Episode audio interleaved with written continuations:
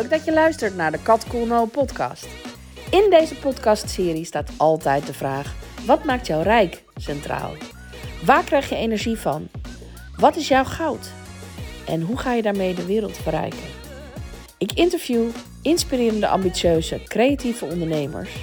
En ik deel mijn gedachtenkronkels met je over rijkdom in de brede zin van het woord. Heel veel luisterplezier bij de Kat Cool No podcast.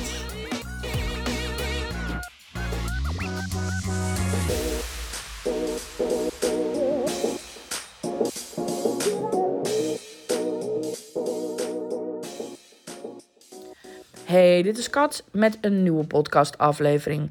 En vandaag wil ik het graag met je hebben over rollen. Welke rol neem jij aan in je business?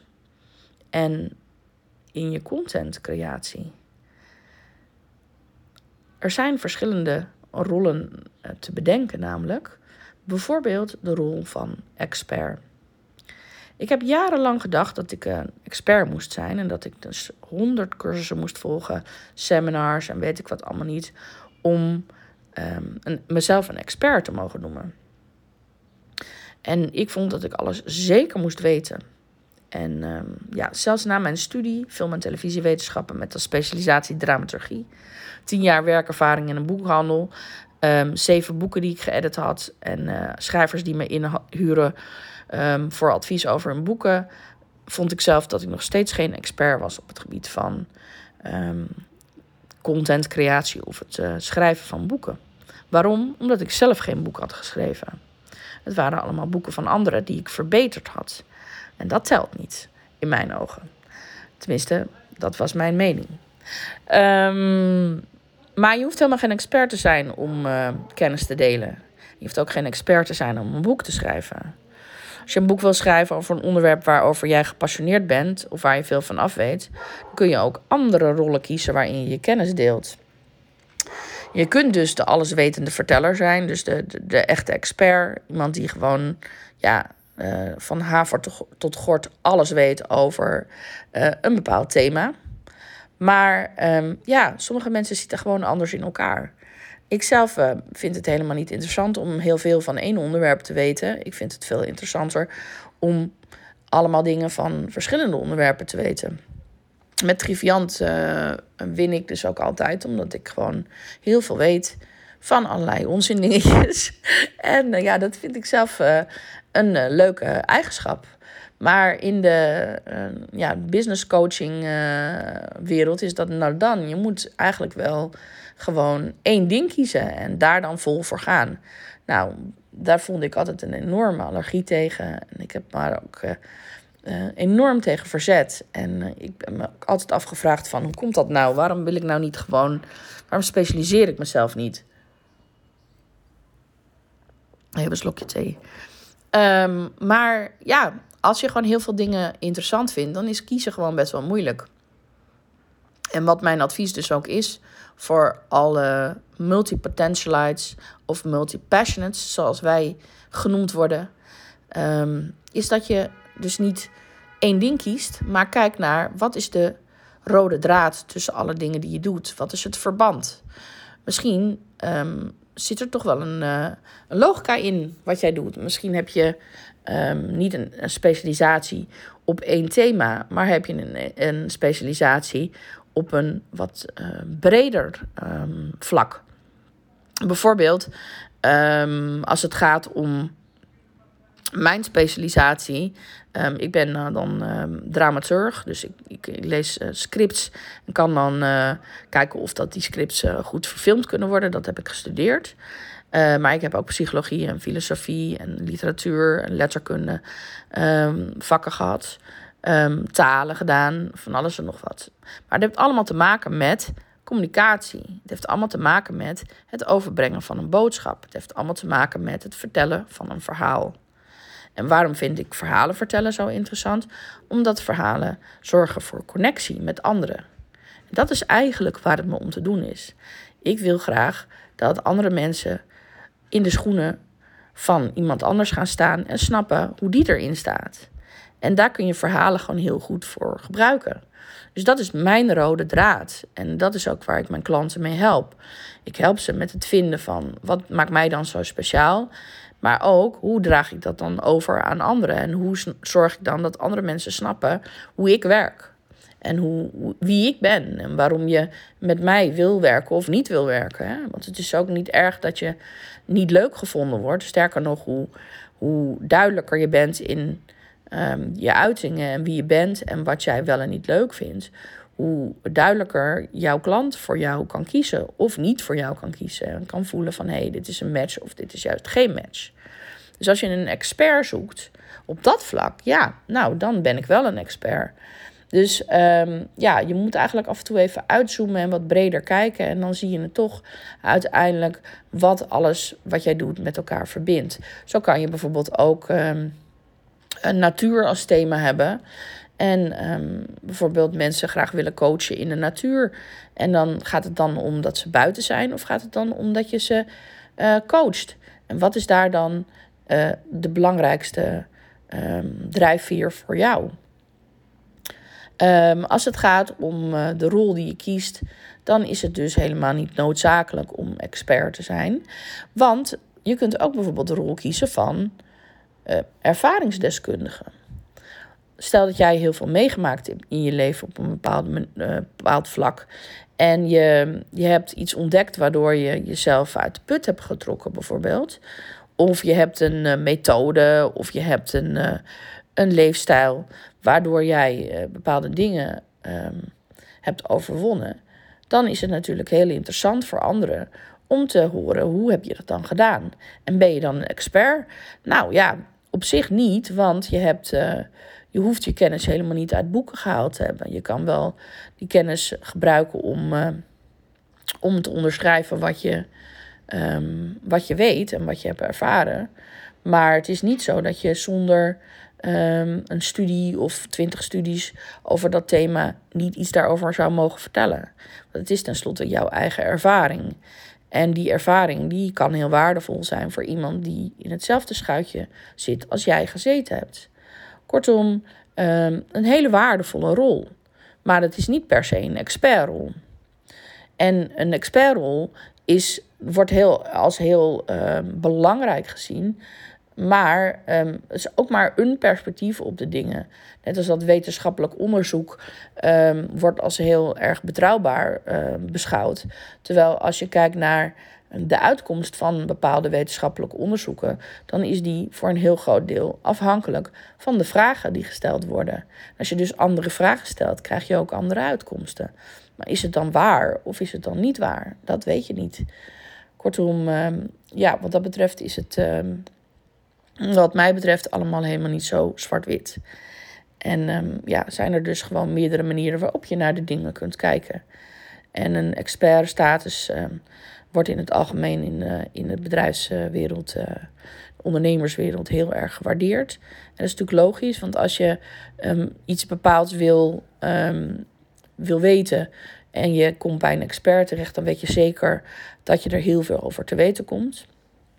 Maar uh, bij een ervaringsdeskundige kan je iemands ervaring horen. En dat is natuurlijk ook heel interessant. Um, hoe heeft diegene het beleefd? Het is een subjectievere benadering, maar zeker niet minder waardevol. En dan heb je daarnaast ook nog andere rollen. Je hebt ook nog de rol van de ontdekker of onderzoeker. Dat is iemand die um, niet, misschien niet weet hoe het precies zit, tot in de puntjes, die er niet twintig boeken over gelezen heeft, maar die gewoon op onderzoek uitgaat vanuit nieuwsgierigheid, vanuit interesse. En um, ja, gewoon gaat kijken van hé, hey, ik, ik zie hier iets of ik lees hier iets, dat vind ik interessant. Ik weet niet of het waar is, ik ga het verder onderzoeken. En, um, en daar uh, ook de, de, de, de klant of de volger in meeneemt op die onderzoeksreis. En dat is voor, eh, voor een volger is dat natuurlijk heel erg leuk om te zien van hé, hey, waar kom je dan allemaal achter en hoe beleef je dat dan? Dat is ook een meer subjectieve benadering uiteraard, maar wel um, een hele boeiende. Want je weet nooit precies wat er uitkomt. En um, ja, een van de dingen die je dus als je onderzoeker bent kunt zeggen is van hé hey, ja, ik weet niet of dit waar is, maar ik vind het heel interessant, dus ik ga het verder uitpluizen en ik neem jullie mee. En ehm, wat je dan doet is eigenlijk document a journey, zoals Gary Vaynerchuk, beroemde marketing guru, dat zegt. Um, document a journey, dus uh, documenteer wat je ontdekt gaandeweg en neem mensen daarin mee. En um, ja, dat, dat is altijd boeiende content. En dat zorgt ook voor, uh, voor een bepaalde connectie met je doelgroep. Dus dat is zeker een hele interessante rol om, uh, om te nemen. En je hoeft niet de wijsheid in pacht te hebben, dat is het fijne. Want je vertelt gewoon vanuit jouw perspectief. Um, wat ook een interessante rol is, is de rol van een inspirator.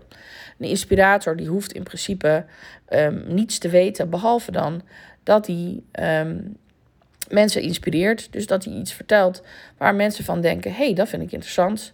En daarmee trek je dan mensen als een magneten naar je toe. Een inspirator moet natuurlijk wel ja, een soort bepaalde uitstraling hebben. En een bepaalde ja, mate van uh, nou ja, boeiende verhalen om, uh, om te inspireren. En um, wat dus heel uh, grappig is, is dat je dus eigenlijk niet eens um, dat allemaal zelf hoeft te bedenken, maar dat je vooral heel goed moet zijn in het um, cureren van die content, in de curatie. Wat bijvoorbeeld een mooi voorbeeld is, is Evan Carmichael. Dat is een YouTube-miljonair die begonnen is met het verzamelen van quotes van beroemde mensen. En die heeft hij in video's um, achter elkaar geplaatst. Bijvoorbeeld de top 10 mooiste uitspraken van Tony Robbins of de top 10 mooiste motivational speeches over geld of nou, noem maar op. En um, het enige wat hij eigenlijk gedaan heeft is het verzamelen en het monteren. En vervolgens is hij daar um, heel beroemd mee geworden, omdat mensen zijn video's heel inspirerend vinden. Maar ja, die inspiratie komt dus niet uit hemzelf. Um, dus ja, zo kan je ook een inspirator zijn. Um, wat je ook kan doen is uh, motivator zijn. Dat is weer een andere rol. Ook daarvoor hoef je niet super veel kennis in huis te hebben, maar moet je vooral heel goed zijn in het aansturen, in het cheerleaden en in het uh, meekrijgen van mensen. Bijvoorbeeld uh, influencers kunnen een hele goede motivator zijn. En ja, het, is, het kan een heel, heel boeiende rol zijn. Geeft vaak heel veel energie. Is daardoor heel leuk om te doen. En um, je kunt natuurlijk uh, mensen motiveren op verschillende manieren. Door verhalen te delen die heel inspirerend zijn. Dat hoeven niet eens jouw verhalen te zijn. Um, dat is helemaal afhankelijk van wat je zelf wil. Kortom, um, er zijn meerdere wegen naar Rome.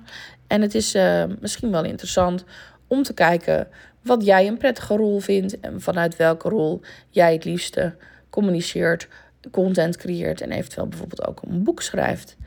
Um, of jouw verhaal deelt op een andere manier. Ja, dus en ik als multipotentialite vind het uh, heel erg leuk om al die rollen gewoon uit te proberen en te kijken van hé, hey, wat past bij mij? De ene keer ben ik meer een motivator, de andere keer meer een inspirator. Um, ik heb ook kennis van zaken, dus soms kan ik ook de expertrol aannemen. Maar meestal kies ik voor de rol van ervaringsdeskundige of onderzoeker. En het is dus ook niet zo dat je een vaste rol kiest die je altijd aanneemt. Maar het is wel leuk om eens te experimenteren met wat werkt voor jou, wat vind jij fijn, bij welke rol voel jij het meest thuis. En als dat de expertrol is, dat is natuurlijk helemaal top. Um, maar zorg in ieder geval dat je gaat delen wat bij jou past, waar jouw hart van vol is. Kijk naar de rode draad in alles wat je doet. Probeer die heel duidelijk te laten zien. En denk ook na over je kernwaarden. Dat zijn drie tot vijf woorden waar jij um, van aangaat. En je kernwaarden kunnen een hele goede um, leidraad zijn voor jouw communicatie online. En door je kernwaarden heel specifiek en helder te hebben, kan je um, mensen beter aantrekken omdat ze voelen van hé, hey, ja, dat is ook mijn kernwaarde. We hebben raakvlakken en daardoor connecten we. En zo word je dan een magneet voor jouw ideale doelgroep. En ehm, ja, dat willen we natuurlijk allemaal. Dus, en met magneet bedoel ik dat je ook eh, mensen afstoot die niet bij je passen.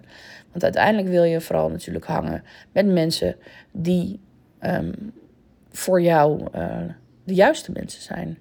En dus ook de mensen die niet bij jou passen, uh, bij jou uit de buurt laten. Want voor ieder, iedereen is wel iemand. Dus die kunnen dan weer naar um, iemand gaan die hen wel inspireert. En zo maakt het jezelf ook makkelijker door gewoon te voelen van hé, hey, ik hoef er niet voor iedereen te zijn. Ik mag gewoon mezelf zijn. Ik mag gewoon vertellen wat ik wil vertellen vanuit de rol die ik het prettigst vind. En uh, hoera, halleluja. Um, be yourself. En dat is eigenlijk waarmee ik jou uh, uh, in deze podcast wil inspireren. En ook motiveren. Go do that. Go share your goals. En um, ja, laten we allemaal uh, lekker meer onszelf zijn. En doen wat bij ons past. En als je dus heel fijn vindt om maar één ding te kiezen, kies dan één ding. En als je iemand bent die gewoon leuk vindt om het over veel verschillende dingen te hebben, doe dat dan gewoon lekker. Heel veel succes en heel veel plezier met het creëren van jouw online presence. Ciao!